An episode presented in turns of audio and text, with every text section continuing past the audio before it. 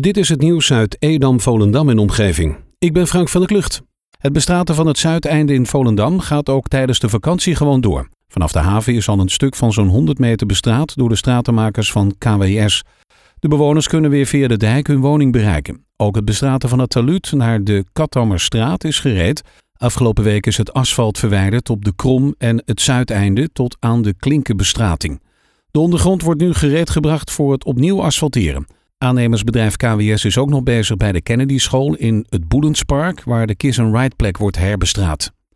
Het eerste bushokje van Ernet in Volendam is al na een week vernield. Met geweld is een raam ervan ingeslagen en ook een verkeersbord dat erbij stond werd omvergetrokken. De dader is onbekend. Het kost de gemeenschap honderden euro's om deze zinloze vernielingen weer te herstellen. In heel Waterland worden in totaal 57 bushaltes van Ernet van een nieuwe halte voorzien. De stichting Philadelphia krijgt in de nieuwe woonwijk Galgeriet in Monnikendam de beschikking over 24 wooneenheden voor mensen met een verstandelijke beperking. De stichting, de gemeente Waterland en de projectontwikkelaars hebben daarover overeenstemming bereikt. Het is de bedoeling dat er in september een concreet plan ligt voor de nieuwe zorglocatie van Philadelphia. Die zou dan halverwege 2022 opgeleverd kunnen worden. In recreatiegebied Het Twisk in Oostzaan gaat morgen het Klimpark open. Het wordt geadviseerd om vooraf te reserveren via de website klimparktwiske.nl. Dat zegt directeur Rob Broekema. Alleen het klimgedeelte gaat open. De andere activiteiten zoals boogschieten gaat naar 21 augustus van start. De reden is dat er nog geen stroom is en dat er ook nog geen toiletten zijn aangesloten. Er is wel een Dixie-toilet. De officiële opening is in september. Door een defect aan de Hoornse brug in Purmerend moet er een spoedreparatie gedaan worden. Hierdoor is de brug nog tot 5 augustus gesloten voor scheepvaartverkeer.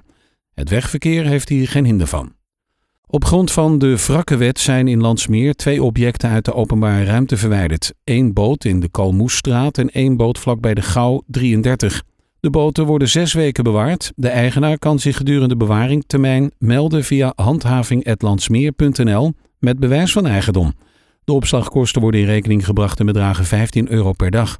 Ook het team Handhaving constateert dat er lange tijd een boot op de wal ligt bij Nijenrode in Landsmeer. De boot is voorzien van een gele sticker met datum. Wanneer de eigenaar de boot niet zelf verwijdert en verwijderd houdt, zal de gemeente deze na 5 augustus verwijderen.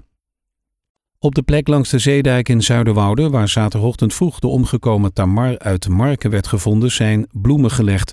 Wat zich heeft afgespeeld in die drie uur tussen het moment dat ze haar ouderlijk huis verliet en dat haar lichaam werd gevonden, is nog altijd niet bekend. Voor de politie is een aanrijding waarbij de dader is doorgereden nog altijd het waarschijnlijkste scenario, al is de politie ondanks meerdere in beslag genomen beschadigde auto's en uitgebreid bermonderzoek nog geen verdachte op het spoor. Ook de vraag of de aanrijding al dan niet een ongeluk was, blijft daarmee voorlopig onbeantwoord, zo meldt het NH Nieuws. Op zaterdag 5 september vindt in Purmerend de sponsorloop Walk to Fight Cancer plaats. Maximaal 99 lopers kunnen deelnemen aan de sponsorloop. Het doel van de wandeling is naast de opbrengst van de startbewijzen zoveel mogelijk sponsorbedragen en donaties op te halen. Het evenement is een initiatief van Fight Cancer, een stichting die fondsen werft voor wetenschappelijk kankeronderzoek en preventie via KWF kankerbestrijding. Voor Purmerend is het evenement nieuw. Het is pas sinds kort dat een afdeling van de stichting zich in Purmerend en Beemster bezighoudt met het inzamelen van geld. Sanquin zoekt 16.000 ex-coronapatiënten met voldoende antistoffen om een mogelijk geneesmiddel te ontwikkelen voor toekomstige coronapatiënten. De hoeveelheid antistoffen in het bloed neemt af in de loop van de tijd. Het is dus een race tegen de klok. Ben je positief getest op het corona door de GGD, meld je dan aan en ga samen de strijd aan tegen het virus.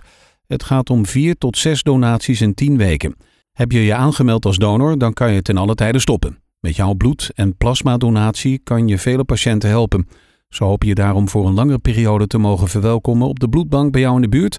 Voor Volendam is dat Purmerend, Zaanstad, Horen en Amsterdam. Tot zover het nieuws uit Edam, Volendam en omgeving. Meer lokaal nieuws vindt u op de Love Kabelkrant, onze website of in de app.